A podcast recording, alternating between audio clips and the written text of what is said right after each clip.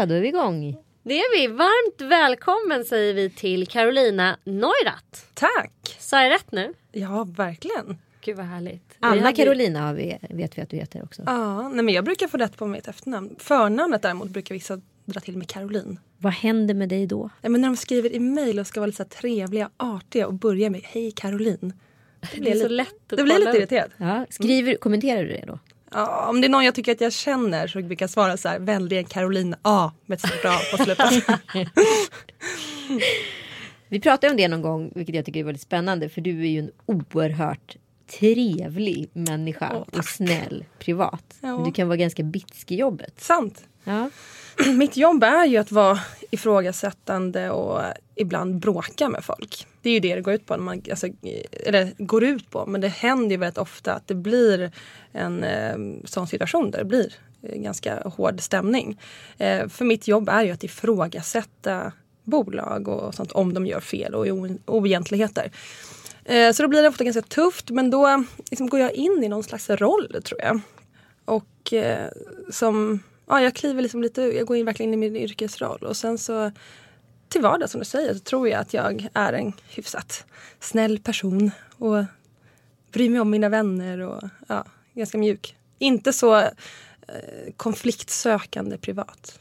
Men du, du är ju oerhört framgångsrik. Har vunnit liksom priser till höger och vänster när jag satt och läste på här om dig. Och jag har även följt dig för jag tycker du är fantastiskt duktig och jag, du inspirerar mig verkligen för att eh, nej men du gör ett fantastiskt jobb liksom och eh, att gräva och orka gräva och göra sådana stora jobb som du gör. Det är ganska, dels är det få förunnat men det krävs också ihärdighet och uthållighet och att man liksom Ja men framförallt att man orkar hålla i och hålla kvar länge. Eh, har alltid eh, intresserat dig?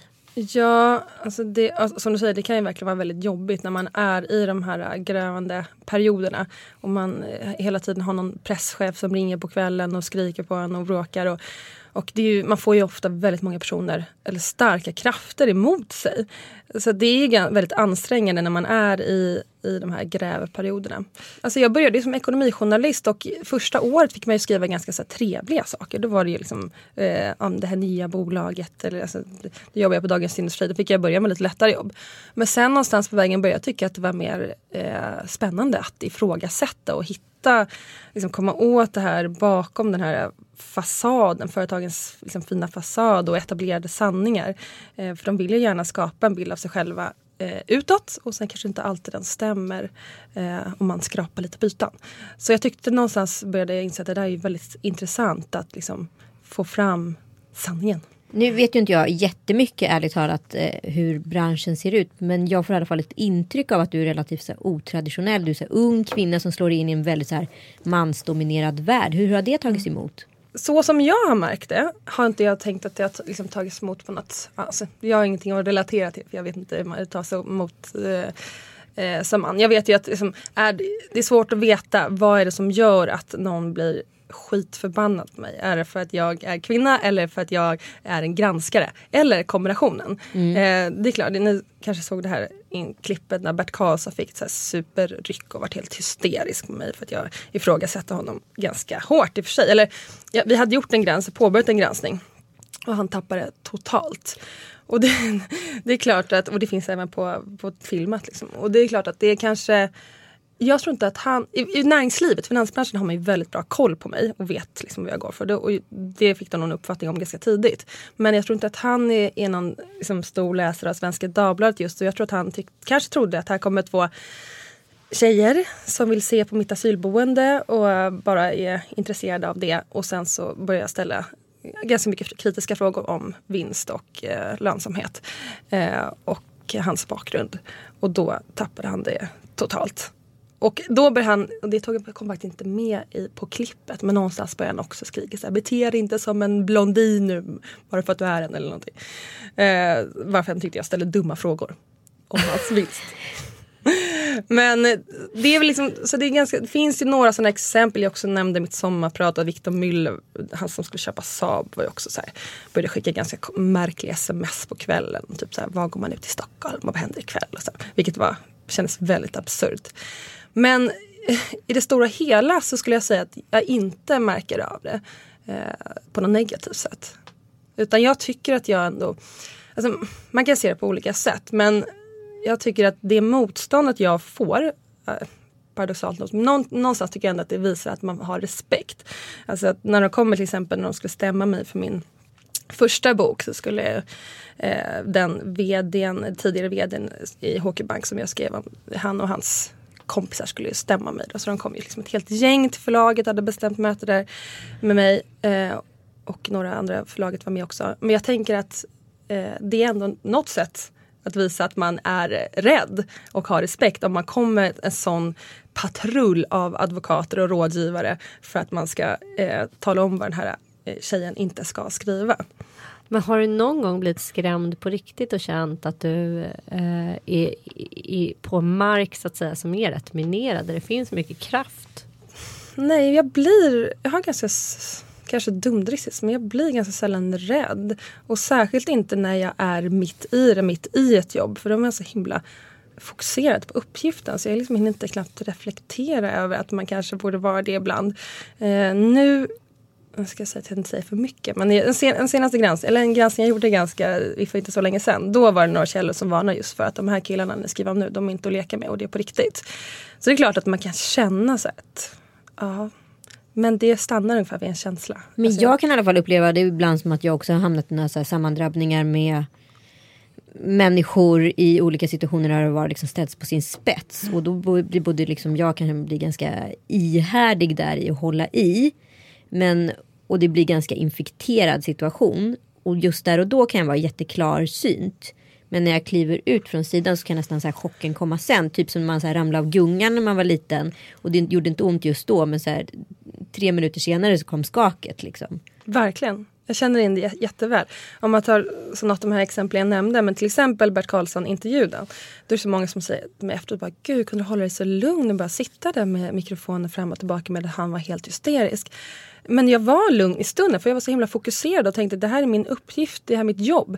Men sen efteråt så, alltså då var, som du säger, då var man ju skakig. Så bara, vad sjutton hände för någonting? Ja. Uh, och då var vi två tjejer och, och, och, en tredje som filmade och alla, vi var ju helt så här, tagna av vad som hade hänt. Men just i stunden så är man så himla fokuserad på det man gör. Så att. Du, du har ju rört dig eh, i, alltså dels så granskar du kan man säga de övre samhällsskikten. Eh, och även umgås privat en del med människor som, som, som tillhör de övre samhällsskikten. Om mm. jag förstått. Har det någonsin varit ett problem? Mm, nej, inget, inget stort problem så. Men det är klart att det hela, man hamnar alltid, man kan hamna i ganska obekväma situationer. Och det är klart att det, det är alltid tråkigt det är alltid lite jobbigare att behöva granska någon du känner eller kanske har relation till mm. eh, på något sätt. Och, och, det är klart att de här eh, finanstopparna högst upp som är, eh, driver de största börsbolagen. Eh, det är inte så att jag känner någon av dem privat men däremot vissa av de här eh, jag brukar ta ett exempel i Klarnas VD Eh, Klarna har jag granskat jättehårt och varit också nominerad till Guldspaden för. Eh, men eh, han var tillsammans med en av mina bästa kompisar för några år tidigare. Och eh, ja, vi var inte så nära då så det var inte så att vi umgicks så men ändå att man har en, en ganska eh, liksom, kopplad eh, en ganska nära koppling ändå. Så. Alltså, det, det är alltid lite jobbigare. Eh, men det är, sånt som, det är sånt som händer, man får ju ta det. Och jag vet att jag blir, har... Men påverkar det den privata relationen då? Ja, det är klart att det gör väl egentligen. Nu hade inte jag någon sån relation men, men men det är klart om när man granskar någon så blir det så. Och framförallt så, jag kan ju hamna på, jag vet att jag har varit på samma bröllop som person och då, då vet jag att de har sagt på bröllop, ja vi såg till att inte sätta er så nära varandra för att veta att eftersom det var granska hans bolag eller så. Så att eh, jag vet att ibland blir jag placerad på andra ställen för att inte, för att det inte ska bli någon konflikt. Men, men just från min sida så blir det ju aldrig någon så här, som, jag, som jag var inne på från början, så blir det ju aldrig någon konflikt sådär privat om man träffas. Eh, men det är klart att de kanske kan tycka att det är lite obekvämt att, att jag är där.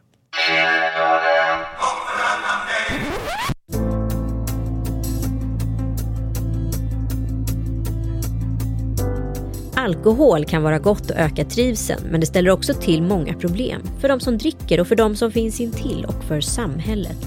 För att det ska finnas en motkraft och för att människor ska reflektera över sitt drickande finns den idéburna organisationen IQ. Vill du veta mer? Kolla in iq.se.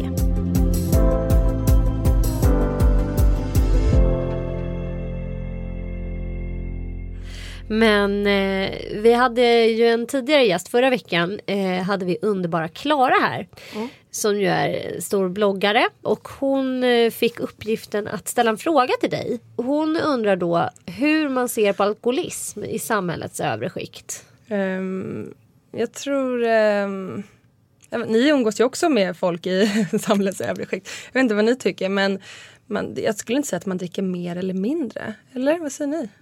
Det är en terminologi som kanske skiljer sig.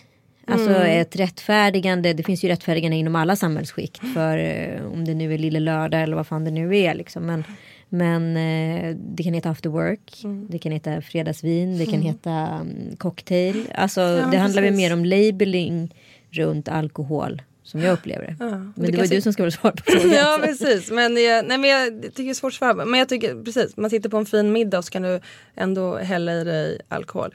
Uh, men istället för att, jag vet inte hur det, ja, vad alternativet är. Men, men så är det ju mycket, det, det känner jag själv, det är ju mycket inbjudningar och fester. Det, och finns ofta uh, väldigt mycket alkohol tillgängligt. Så det är väl säkert lätt hänt att man uh, ja, dricker mer av den anledningen.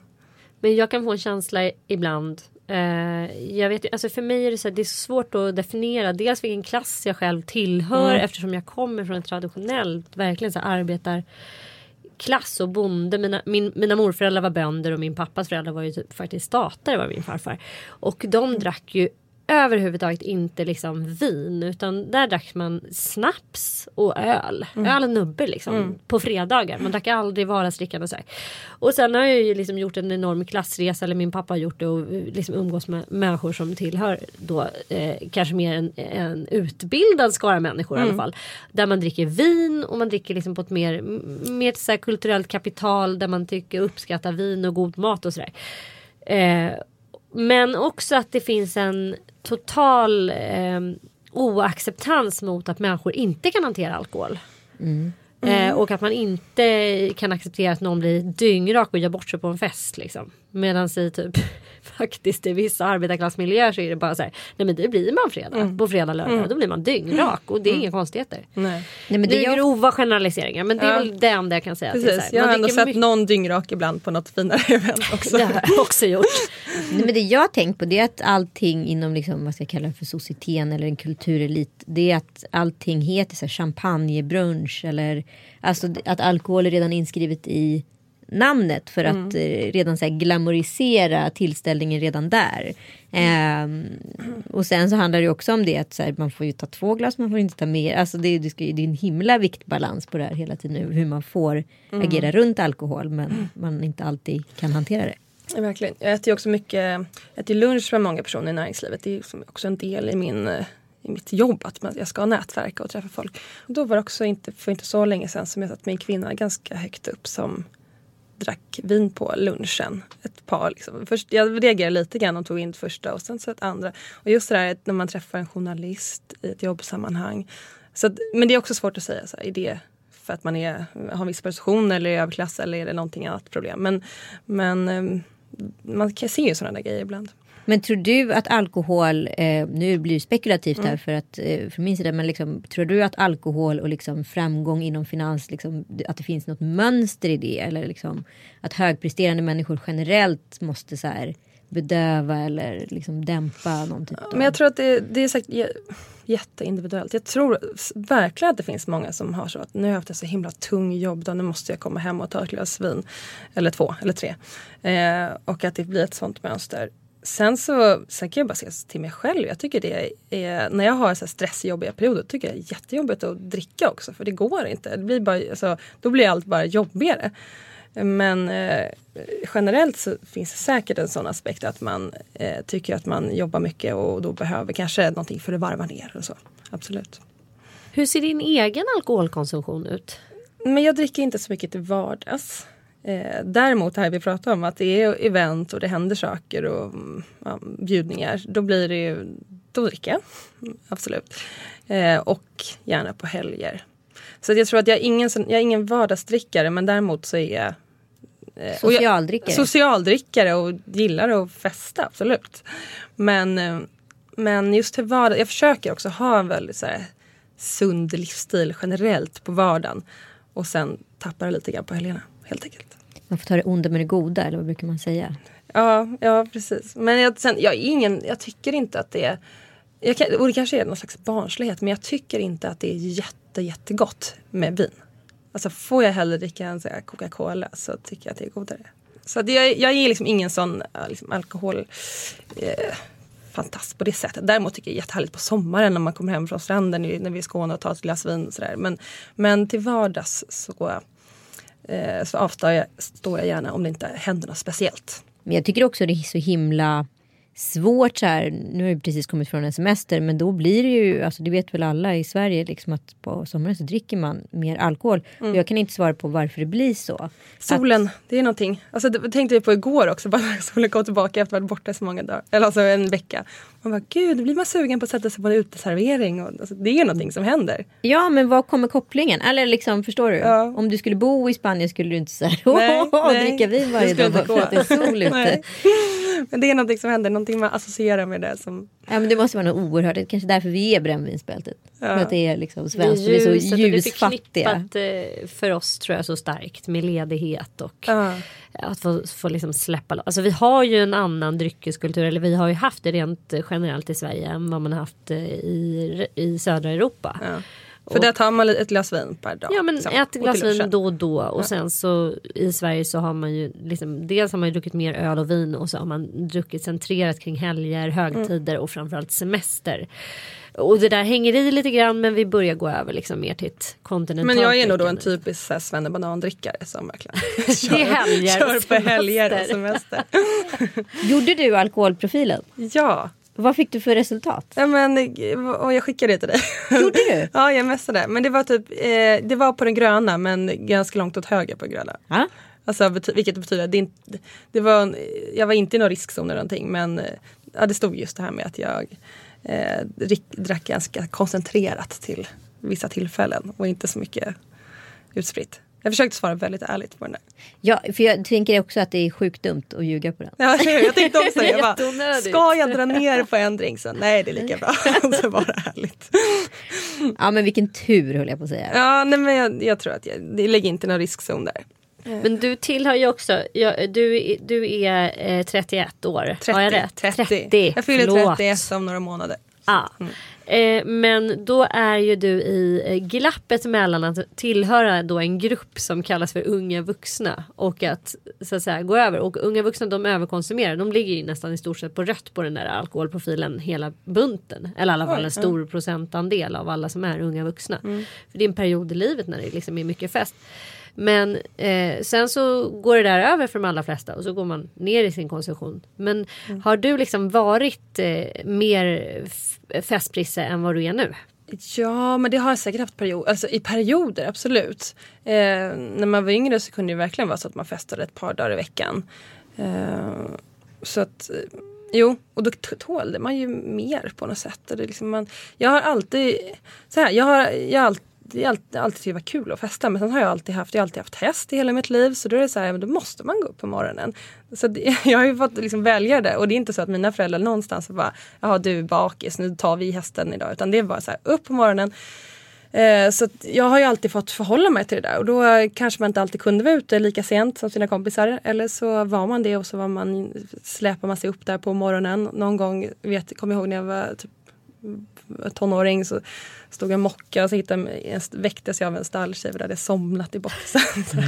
ja, men då också var det också någon så här sen natt som man hade kämpat sig upp på morgonen. Så det gör när man har ett sånt intresse också i ungdomen, liksom, eller som jag fortfarande har, så gör det att man måste vara lite mer disciplinerad. Så jag har också fått lära mig nästan att skjuta lite grann på att om man nu blir bakis att man får ta det på kvällen. Jag har inte tid att vara det på dagen. Utan man måste bara så här, bita ihop och gå upp på morgonen och sen så får man väl vara trött sen.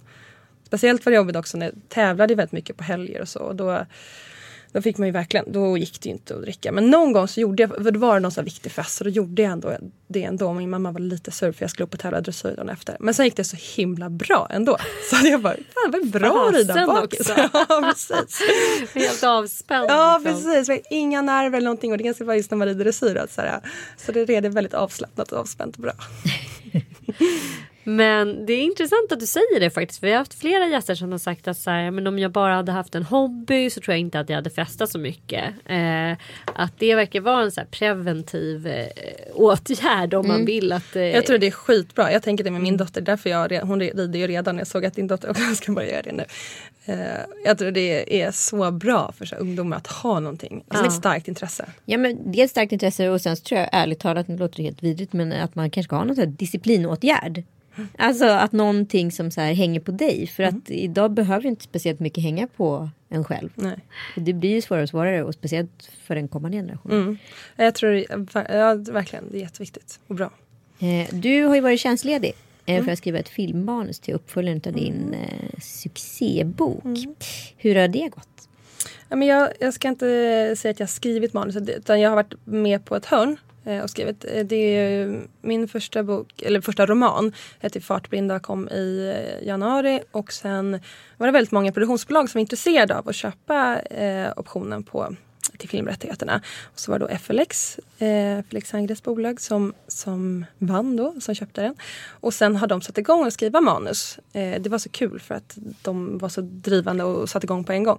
Eh, och då var jag, eh, tog jag tjänstledigt två månader i våras. Dels för att eh, vara med där på ett hörn men också dels för att skriva uppföljaren. Så. Hur känns det att, att eh, boken ska bli, ska det bli en film eller serie? Serie. Alltså jag, jag kommer kunna svara på hur det känns sen när det väl är verklighet. Men jag vet ju hur det är med film och serie. Alltså den världen. Att det är, det är så många steg. Och det ska, nu känns det som att vi kommer väldigt långt i och med att vi, liksom, de har skrivit manus och så.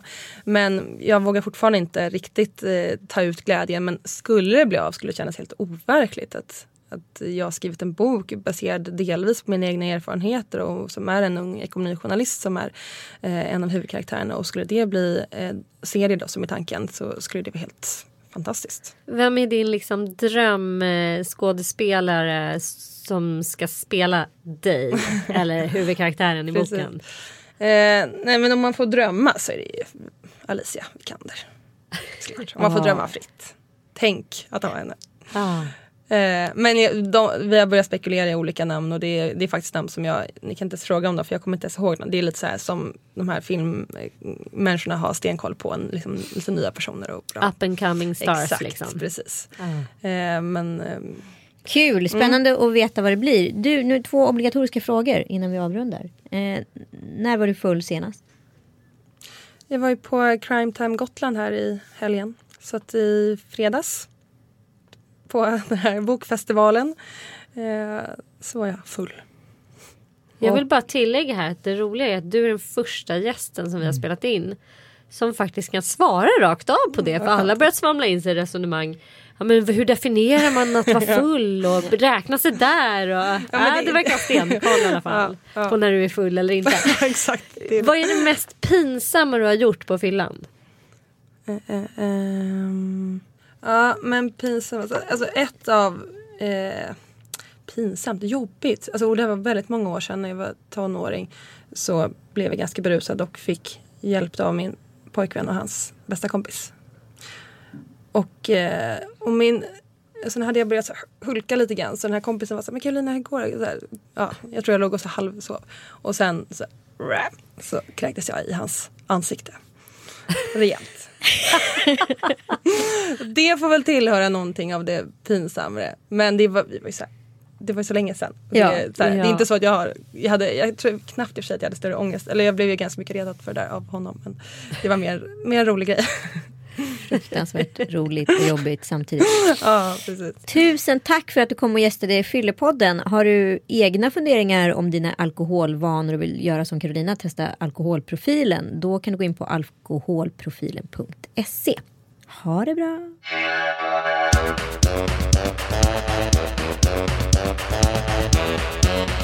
Thank